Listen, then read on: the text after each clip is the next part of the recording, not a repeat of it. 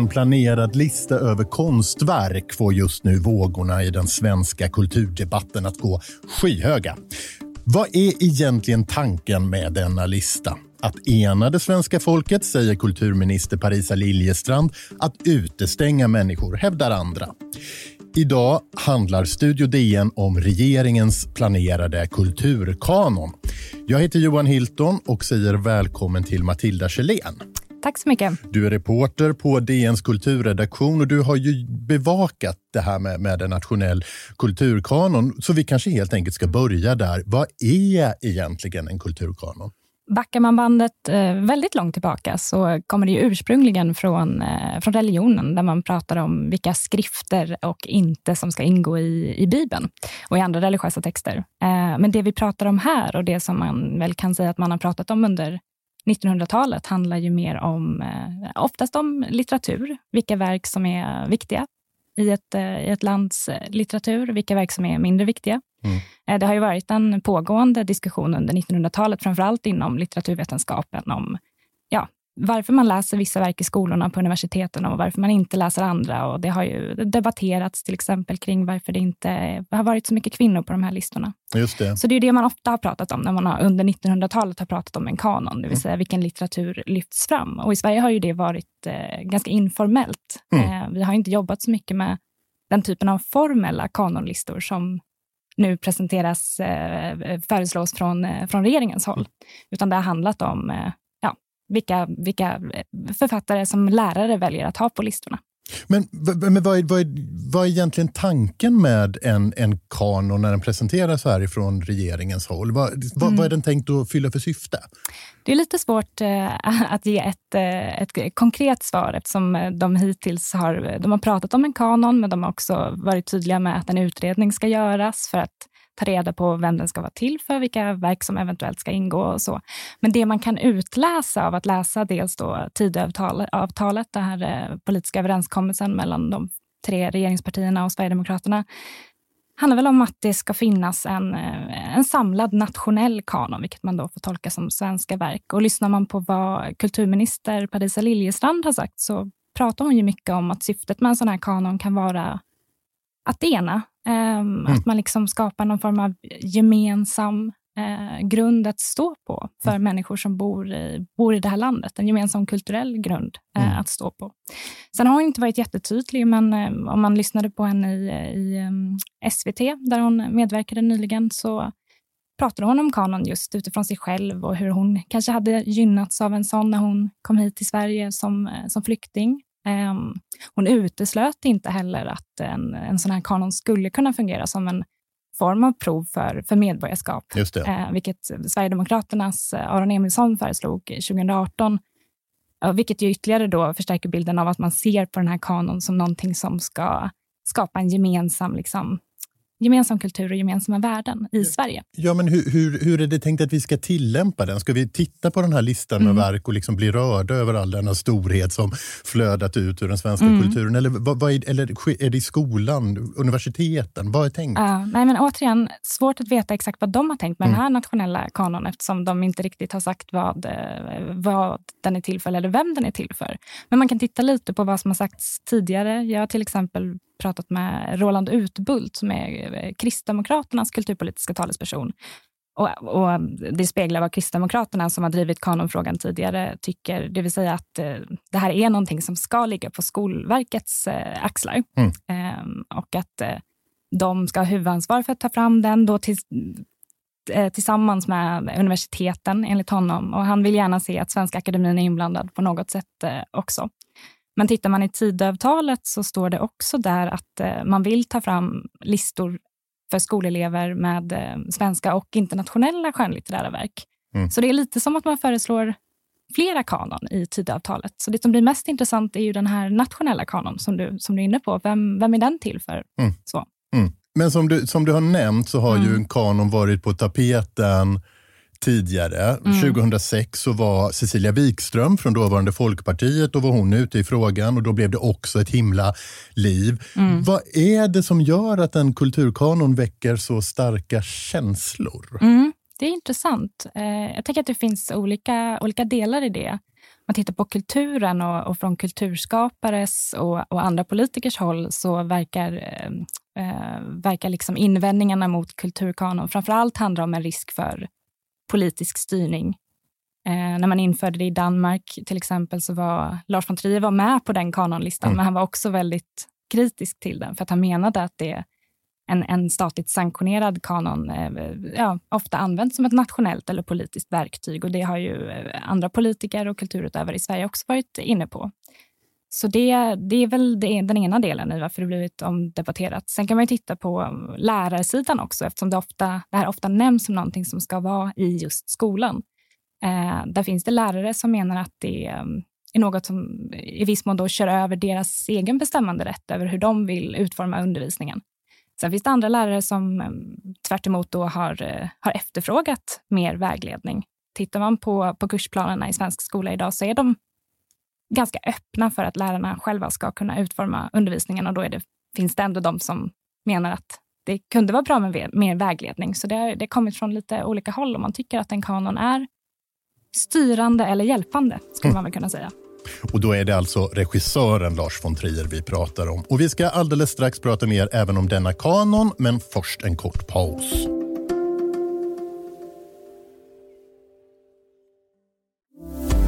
Och det här är Studio DN där vi pratar om regeringens planerade kulturkanon med Matilda Kjellén som är kulturreporter här på DN.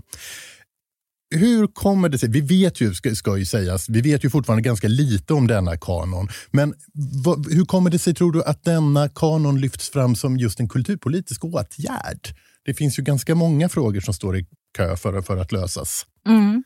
Dels tror jag det handlar om eh, ja, men lite politiska kompromisser man har gjort. Det här är ju en fråga som har drivits eh, ganska starkt av både Kristdemokraterna och Sverigedemokraterna de senaste åren. Eh, I deras fall, mycket då kan man utläsa från motioner och förslag och liknande som, som någonting man ser som just ena starka liksom, eh, Sverige eh, genom kultur.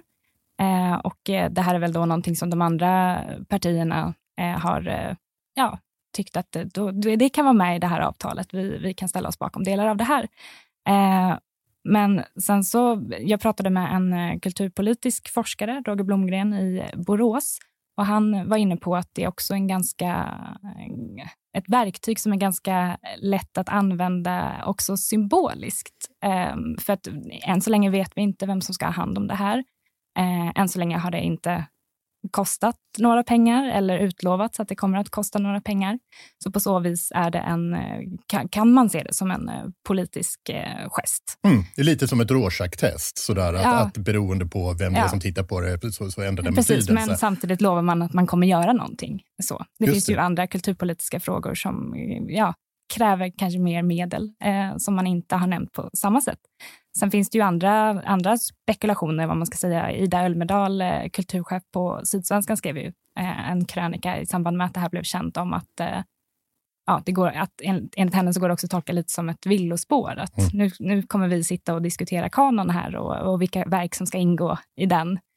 Istället för att diskutera kanske andra kulturfrågor, mer pressande kulturfrågor som man kan se det efter pandemin och så, där, fort, där många kulturarbetare fortfarande befinner sig i ett ganska svårt läge. Mm. Du nämnde Danmark tidigare som ett land som har infört en sån här eh, nationell ja. kanon. Vad har, vilket genomslag har denna kanon fått i Danmark? Det är lite svårt. De införde en eh, kulturkanon 2006 och det var den som liksom drog igång debatten även här i Sverige. Och den eh, mynnade då ut i 108 danska verk, eh, både liksom litteratur, teater, film, som sen blev en bok som delades ut i danska skolor. Och när man tittade på det här några år senare så så verkade den förhållandevis eh, bortglömd. Mm. Eh, den fungerade som ett verktyg som man kunde eller inte kunde använda. Eh, sen har de också infört litteraturlistor i, eh, i skolorna eh, som vissa lärare menat varit, eh, varit bra. Att man har detaljerade liksom, saker att gå efter. Detaljerade, det handlar inte om titlar utan centrala författarskap. medan andra då menar att ja, men går man en lärarutbildning så får man ju redan med sig de här centrala författarskapen och kommer förmodligen att att lära ut dem i skolan ändå, vilket mm. också har varit en debatt här i Sverige. Mm. Um, så. Men om det då ska användas som ett verktyg för att ena landet, som, mm. som Parisa eh, Liljestrand då sa, kulturminister, hur enade skulle du säga att Danmark har blivit av denna kanon? Svårt att säga. Jag tror att de, har, de är, med tanke på att den första kanon kom redan 2006 så är de nog mer vana vid att eh, diskutera en kanon. Mm. Eh, diskutera verk i den, men det har också varit mycket um, debatt kring den här kanon. Eh, och då kan man ju kanske argumentera för att det är härligt att ha en, eh, en debatt som faktiskt handlar om, om kultur och om liksom verk, mm. eh, kulturella verk. Eh, men det är svårt att säga om den helt och hållet har enat dem. Det är nog inte så många som ifrågasätter kanon, den kanon som kom 2006, men det kan ju också bero på att den inte används på samma sätt som den gjorde då. Um, så jag skulle säga att det är svårt att säga hur mycket det har enat Danmark. Men en sak man kan säga är ju att, eh, för att föra in andra argument för en kanon, som jag pratade med en annan eh, litteraturforskare som, som menade då att eh, ja, vi har ju redan en kanon på något sätt mm. i Sverige och en informell kanon där man om man går universitetet till exempel får, får lära sig vilka författarskap som gäller eller vilka verk som gäller och att det är många som, som missar den. Mm. Skillnaden är att inga medborgarskap hänger på, på den Exakt. där litteraturlistan. Så kan det, så kan det vara. Mm. Eh, nej, men så det finns ju även inom akademin så finns det ju olika åsikter om hur en sån här kanon faktiskt skulle kunna ena. Mm. Eh, och jag tror att det, det vore intressant att ja, titta närmare på det danska, danska fallet. Mm. Eh, för det känns som att det både har lett till konkreta liksom, listor i skolorna, men de har ju också, 2016 införde de en eh, immateriell kanon som mm. även Sverigedemokraterna har, har förordat, men inte fick igenom nu då i Tidöavtalet, som handlar mer om värderingar. Alltså någon form av kynne då? Mm, alltså... De har med till exempel välfärdssamhället, det kristna kulturarvet, eh, hygge, ja. deras ord för mys. Och eh, det är lite svårare att bedöma hur det har genomsyrat samhället eh, och skulle väl vara så även här. Mm. Det låter riskabelt. Eh, vad skulle du säga att det finns för kulturpolitiska risker med en kanon? Dels är det väl det som, eh, som många är inne på av kritikerna, att eh, det riskerar, även om den här kanon, och det är de ju väldigt tydliga med, att eh, det här ska tas fram av externa expertkommittéer. Det är inte politikerna som ska välja verken i så fall, men den är ändå statligt sanktionerad. Det vill säga, det finns en förväntan från statligt håll att en kanon ska tas fram. Mm. Och då finns det väl hos vissa den här, den här tanken att det finns en risk att man man kommer att anpassa sig efter den. Att vad som än väljs ut där, ja då exkluderas det andra. Och att det då kan bli vägledande för vilken kultur vi premierar i det här landet. Mm, att man skapar en sorts politisk press på kulturskapare. Ja, vilket ju även har varit en diskussion vad gäller Kulturrådets stöd till exempel. Där det finns eh, liksom, ja, där man har vissa eh, villkor för att få stöd, vilket var kritiserat för ett, två år sedan. Mm. Jag tänker att de som är kritiska mot en kanon eh, speglar eh, den risken lite i, i sin kritik. Att man, att man är rädd för att det, det kan bli styrande. Amanda Lind, ordförandets kultur, ordförande för kulturutskottet och före detta kulturminister, har bland annat uttryckt den oron, eller vad man ska säga, för att det här blir, kan bli politiskt färgat även om det inte är politikerna som väljer. Värt att notera är då att Amanda Lind kritiserades för politisk styrning hon också. Det, det blir ju lätt Exakt, så i, i, i, ja. i, kulturfrågor. Mm, mm. Vi lär ha all anledning att återkomma till den här frågan lite längre fram när vi vet vilken skepnad den här kanon kommer att ta. Eh, men nu så är Studio DN slut för idag. Stort tack för att du kom hit, Matilda Kjellén, reporter på DNs kulturredaktion. Tack. Om du vill kontakta oss så går det bra att mejla till studiodn dn.se. Kom också ihåg att prenumerera på Studio DN där du lyssnar på poddar så missar du inga avsnitt. Studio DN görs för Podplay av producent Sabina Marmelakai, ljudtekniker Palmira Kokari Menga, teknik Oliver Bergman Bauer Media, ansvarig utgivare Peter Wolodarski och jag heter Johan Hilton.